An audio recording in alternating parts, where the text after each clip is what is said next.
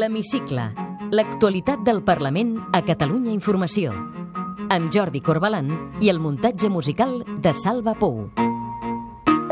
El Parlament tampoc no ha pogut aquesta vegada fer el debat per investir Jordi Sánchez. El president Roger Torrent va haver de desconvocar el ple d'investidura després que el jutge Llarena li va denegar per segona vegada el permís per sotmetre's al debat, malgrat que les Nacions Unides han instat l'estat espanyol a protegir els drets polítics del diputat. Benvinguts a l'Hemicicle. L'Hemicicle. L'actualitat del Parlament a Catalunya Informació.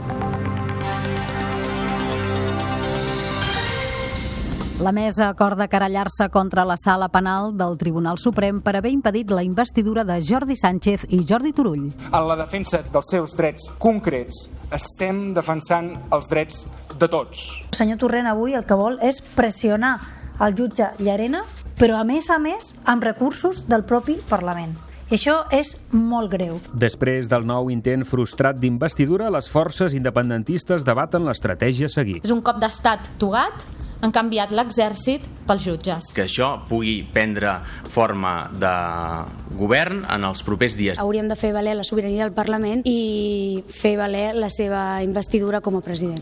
Els grups independentistes volen que el Parlament rebutgi la criminalització de la protesta social dels CDRs després de la detenció de Tamara Carrasco. L'estat espanyol no té un problema amb el CDR, té un problema amb la democràcia. Volen atemorir, volen fer por. Sortim a mobilitzar-nos i a denunciar aquesta persecució. Socialistes i comuns rebutgen la imputació de terrorisme. Ciutadans exigeix que es condemni la violència de tot tipus. No podem fer tampoc el discurs fàcil de dir és que només s'ha tallat una carretera. No, només no s'ha tallat una carretera. Nosaltres no veiem motiu per aplicar legislació antiterrorista. És una clara barbaritat. I avui a l'hemicicle conversarem amb el diputat de Junts per Catalunya i secretari primer de la mesa, Eusebi Campdepedrós.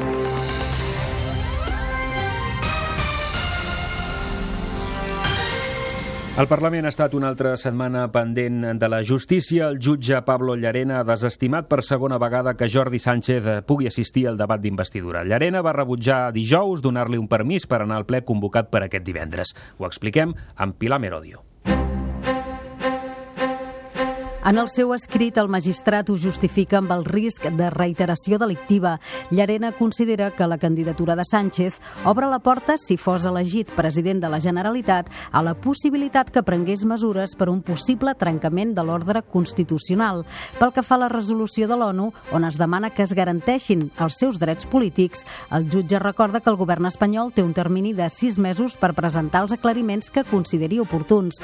Llarena, però, creu que les consideracions de l'ONU no són vinculants pel Tribunal Suprem. Després de saber-se aquesta resolució, el president del Parlament, Roger Torrent, va decidir ajornar el ple d'aquest divendres i va convocar a la mateixa hora que s'hauria d'haver celebrat una reunió extraordinària de la mesa per acordar la presentació d'una querella contra el Tribunal Suprem per la presumpta vulneració dels drets polítics dels diputats. La majoria independentista a la mesa ha encarregat als serveis jurídics del Parlament la presentació de la querella contra el jutge Pablo Llarena i la resta dels magistrats de la sala penal per haver presumptament vulnerat els drets a la investidura de Jordi Sánchez i Jordi Turull i dels altres diputats de la cambra. En la querella, els lletrats hauran d'argumentar si aprecia els possibles delictes de prevaricació i d'alteració del normal funcionament de la cambra. El president Torrent, que després de la reunió de la mesa presidia un acte d'homenatge als represaliats pel franquisme, argumentava la decisió de la mesa. A nosaltres ens correspon defensar, a través de la defensa dels drets particulars de diputats i diputades sotmesos a aquesta repressió política, alguns dels quals a la presó, per tant presos, presos polítics i d'altres a l'exili, en la defensa, deia, dels seus drets concrets, estem defensant els drets de tots. El secretari general del Parlament i el lletrat major han expressat dubtes sobre la viabilitat de la querella i han suggerit demanar l'opinió d'experts penalistes. Ciutadans demanarà a la mesa que reconsideri la seva decisió i el PP català estudia si Junts per Catalunya i Esquerra podrien incórrer en un delicte de malversació de fons públics amb la querella. Els socialistes denuncien que amb la decisió s'obre un enfrontament institucional. Escoltarem la líder de Ciutadans, Inés Arrimadas, la socialista Eva Granados i el portaveu popular Alejandro Fernández. Senyor Torrent avui el que vol és pressionar el jutge Llarena, però a més a més amb recursos del propi Parlament.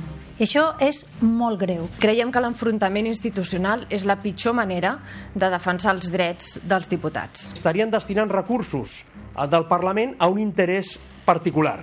I nosaltres creiem que és, seria un cas de llibre de malversació de fons públics. Els comuns, en canvi, estan d'acord amb la presentació de la querella. Sentim la portaveu parlamentària, Elisenda Alemany. Veiem amb bons ulls per determinar efectivament els límits del possible abús judicial i que, per tant, nosaltres eh, ja estem plenament d'acord amb aquesta iniciativa. L'Hemicicle. El Parlament a Catalunya Informació. Doncs amb el quart intent d'investidura frustrat a Junts per Catalunya, que manté que Carles Puigdemont és el seu candidat, creu que cal obrir ara una reflexió profunda sobre el camí a prendre i deixa obertes totes les possibilitats, inclosa les eleccions. A l'espera de la reunió que el grup parlamentari tindrà amb Puigdemont dimecres a Berlín, la portaveu Elsa Artadi i el vicepresident primer Josep Costa van deixar clar que després de l'última decisió de Llarena cal obrir una reflexió és el resultat de segrestar els vots del 21 de desembre. És un cop d'estat togat, han canviat l'exèrcit pels jutges. Qualsevol candidat que proposem és susceptible d'acabar a la presó. Per tant, hem de fer una reflexió molt profunda. Potser no tothom està disposat a, a ser candidat per anar a la presó. Per tant, diguéssim, la preocupació, penseu que en aquests moments va una mica més enllà de la qüestió de noms. El portaveu del grup d'Esquerra, Sergi Sabrià, marcava com a prioritat la formació de govern per fer front a la repressió incessant per part de l'Estat. El nostre plantejament és que això pugui prendre forma de govern en els propers dies i fer-ho conjuntament amb la resta de forces de l'àmbit republicà i la copaire, Maria Sirvent, apostava per plantejar sense dilacions la candidatura de Carles Puigdemont. Ja fa molt de temps que ell diu que en algun moment o altre ha de poder fer valer la seva candidatura com a president sense que les ingerències de l'Estat la condicionin. L'Hemicicle. El Parlament a Catalunya Informació. Junts per Catalunya, el grup republicà i la CUP proposen que el ple del Parlament aprovi una resolució per denunciar la criminalització de la protesta social, la repressió i la violència institucional. Els grups independentistes van registrar el text després que dimarts la Guàrdia Civil va detenir Tamara Carrasco, membre del CDR de Viladecans, a qui l'Audiència Nacional va deixar en llibertat provisional amb mesures cautelars per desordres públics. El jutge no hi veu terrorisme ni rebel·lió, com demanava la Fiscalia. En una compareixença conjunta, Francesc Dalmases, de Junts per Catalunya, el republicà Rubén Wagensberg i Natàlia Sánchez, de la CUP, van reclamar que no es banalitzi el terrorisme. El primer símptoma símptoma d'un estat autoritari és la forma com no accepta i la forma com reprimeix la gent que pensa, però pensa diferent. Com l'Estat podrà justificar que tallar una autopista equival o inclús és més greu que qualsevol atemptat terrorista, havent patit el terror com l'hem patit? Violència que mai ha existit, perquè l'únic objectiu és legitimar la repressió cap a l'autoorganització popular Eva Granados, del PSC, i Marta Ribas, dels Comuns, tampoc van apreciar cap base legal per l'acusació de terrorisme alguna de les actuacions dels comitès de defensa de la República també siguin condenables penalment. No veiem motiu per aplicar legislació antiterrorista. És una clara barbaritat, com els deia, imputar sedició, imputar rebel·lió i imputar encara més terrorisme en els casos de, de protesta. I la líder de Ciutadans, Inés Arrimadas, reclama que es condemnin tots els actes violents, també els atacs contra seus de partits i els escarnis contra polítics que no són independentistes. El de carretera no és terrorisme, no, però és que suposo que en aquesta investigació s'està considerant tot el que està fent. No podem fer tampoc el discurs fàcil de dir és que només s'ha tallat una carretera. No, només no s'ha tallat una carretera. El popular García Albiol va reaccionar a través d'un tuit on deia que trobava gratificant l'actuació policial contra contra els CDRs.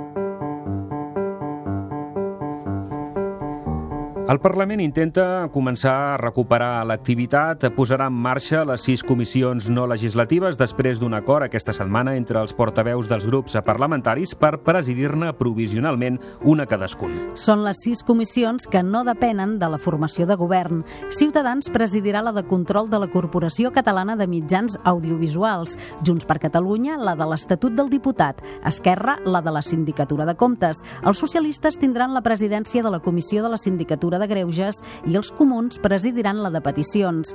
El president del Parlament presidirà, com regula el reglament, la Comissió de Matèries Secretes i Reservades. L'acord entre els grups fixa la composició de la mesa de les comissions que es repartirà d'acord amb la proporcionalitat dels grups parlamentaris. Els subgrups de la CUP i el PP han quedat fora del repartiment. L'Hemicicle. L'actualitat del Parlament a Catalunya Informació.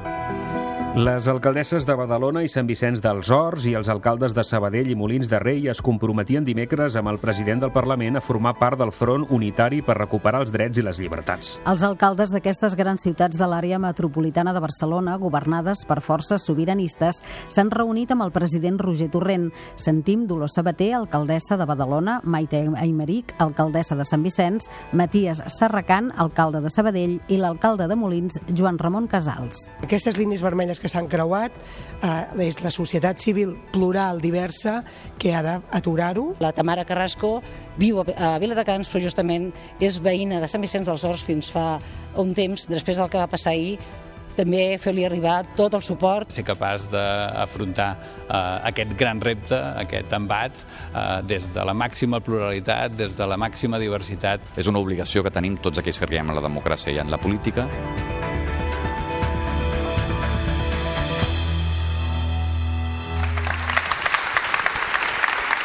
És la llarga ovació que els treballadors del Parlament dedicaven dimarts després de convocar 10 minuts de silenci a l'escala d'honor per recordar que la 14a presidenta de la cambra, Carme Forcadell, és a la presó. L'acte es va fer coincidir amb el 38è aniversari del primer ple del Parlament restaurat i van assistir el marit de Carme Forcadell, el president Torrent, els expresidents Rigol i Benac i diversos diputats independentistes. Un espai buit en el primer esglaó de l'escala va recordar amb un llaç groc l'absència de Forcadell. Una treballadora de la cambra va pronunciar unes paraules d'agraïment a l'anterior presidenta del Parlament de qui es va demanar la immediata posada en llibertat. L'Hemicicle. L'actualitat del Parlament a Catalunya Informació. El Parlament ha acollit aquest divendres un any més l'acte d'homenatge als represaliats pel franquisme. El president de l'Associació Pro Memòria dels Immolats per la Llibertat a Catalunya, Pere Fortuny, i el president Roger Torrent van fer la tradicional ofrena floral al monument als Immolats al pati de la biblioteca. No volem venjança, però sí justícia, i aquesta se'ns nega injustament amb l'actual democràcia espanyola. Defensarem i protegirem la memòria històrica perquè és un acte de dignitat de país, però sobretot, sobretot, sobretot, no permetrem que es trepitgin els nostres drets i les nostres llibertats.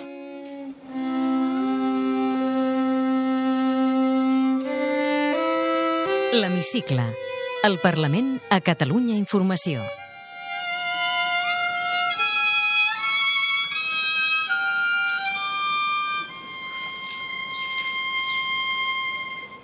Eusebi Campdepadrós, diputat de Junts per Catalunya, per Tarragona i secretari primer de la mesa del Parlament. Benvingut a l'hemicicle.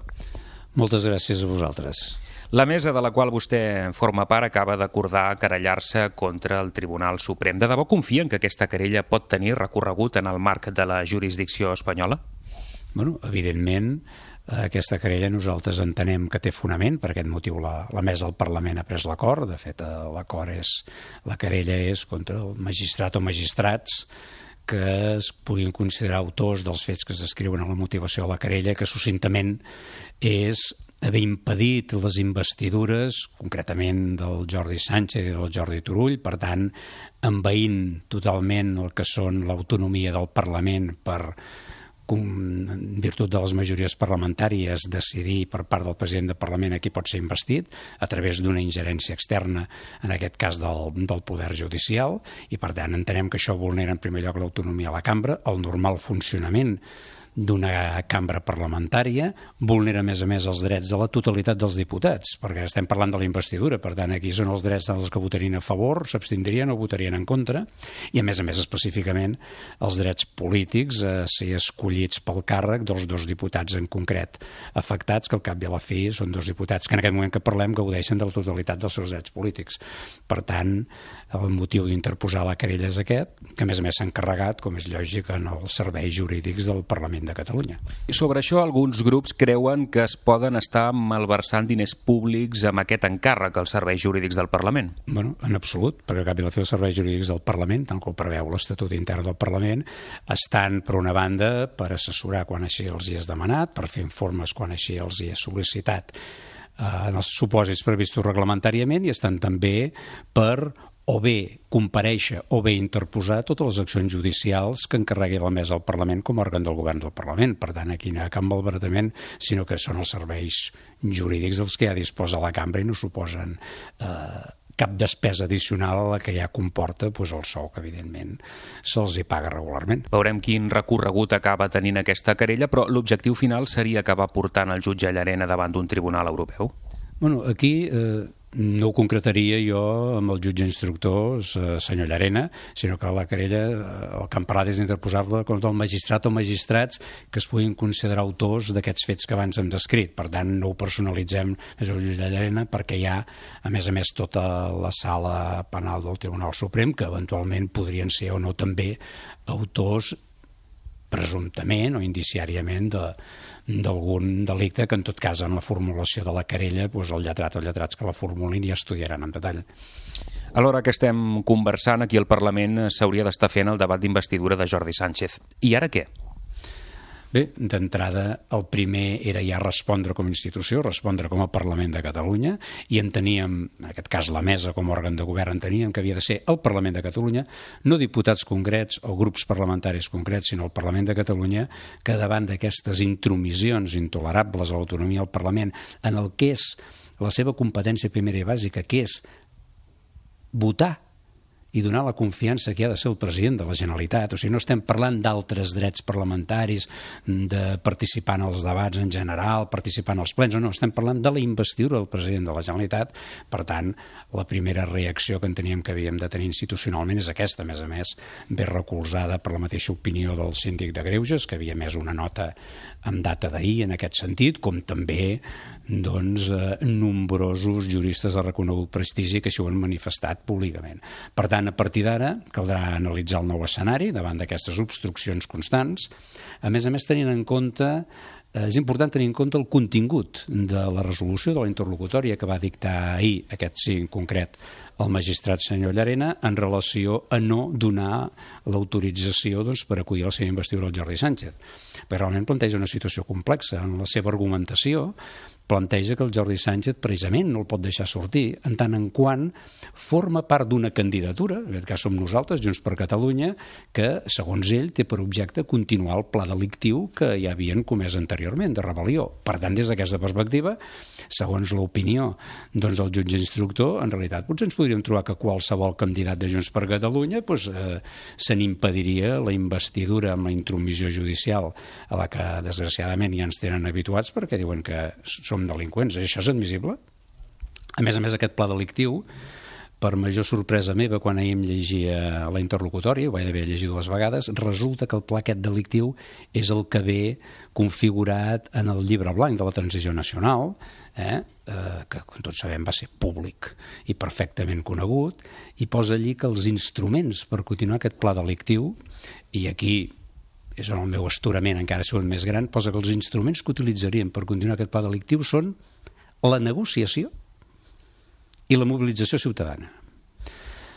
És a dir, a partir d'aquí, que algú m'expliqui si aquestes resolucions que ha tingut fins ara el Tribunal Suprem no tenen una claríssima motivació política d'ingerència de l'executiu a través del judicial en el Parlament de Catalunya i precisament és aquesta motivació política que hi ha al darrere d'aquestes intromissions el que fa el que fa que, evidentment, el Parlament com a institució es vegi obligat, en defensa de l'autonomia del Parlament, en defensa, en definitiva, del vot de la ciutadania, a interposar aquesta acció penal, que ja estem d'acord que el dret penal és l'última ràtio, és l'últim que s'hauria d'utilitzar, però que en aquest cas no tenim més remei. I aquí és on venen les veus de Junts per Catalunya que hem sentit aquestes últimes hores, com les del vicepresident Costa, també el Sartadi, en el sentit, Eduard Pujol, en el sentit de plantejar una reflexió, no? a veure què es fa a partir d'aquest moment.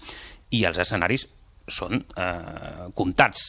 Aquesta reflexió podria portar-los també a la conclusió que ha arribat el moment davant la impossibilitat d'anar proposant candidats, per això que ara ens comentava vostè, doncs, dir, doncs repleguem forces i tornem-nos a presentar unes eleccions.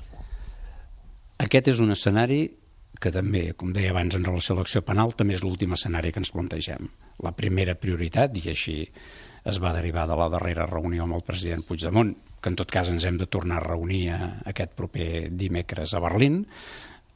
L'escenari encara que estem contemplant és que tenim un acord de govern amb Esquerra Republicana, acord de govern que està a punt per desplegar-se només es pugui constituir el govern, per tant la primera prioritat és la investidura d'un president, la constitució d'un govern i que aquest govern comenci a treballar el més aviat millor.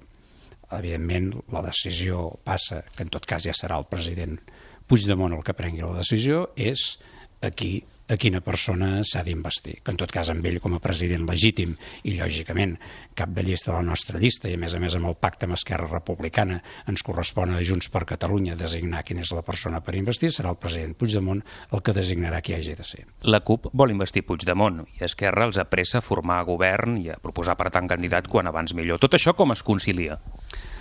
Doncs bé, això serem capaços de conciliar-ho. Evidentment, ningú vol investir el president Puigdemont menys o més, vull dir, que la llista del president Puigdemont, que som Junts per Catalunya. I president, com que nosaltres volem investir el president Puigdemont, això es farà en el moment que el president disposi i realment tinguem la finestra d'oportunitat per fer-ho de tal manera que tingui una presidència efectiva. N'hi ha, i amb tot el respecte, que utilitzen voler fer aquesta investidura de qualsevol manera per les seves finalitats polítiques legítimes, però d'una estratègia de confrontació amb l'Estat que exactament no compartim.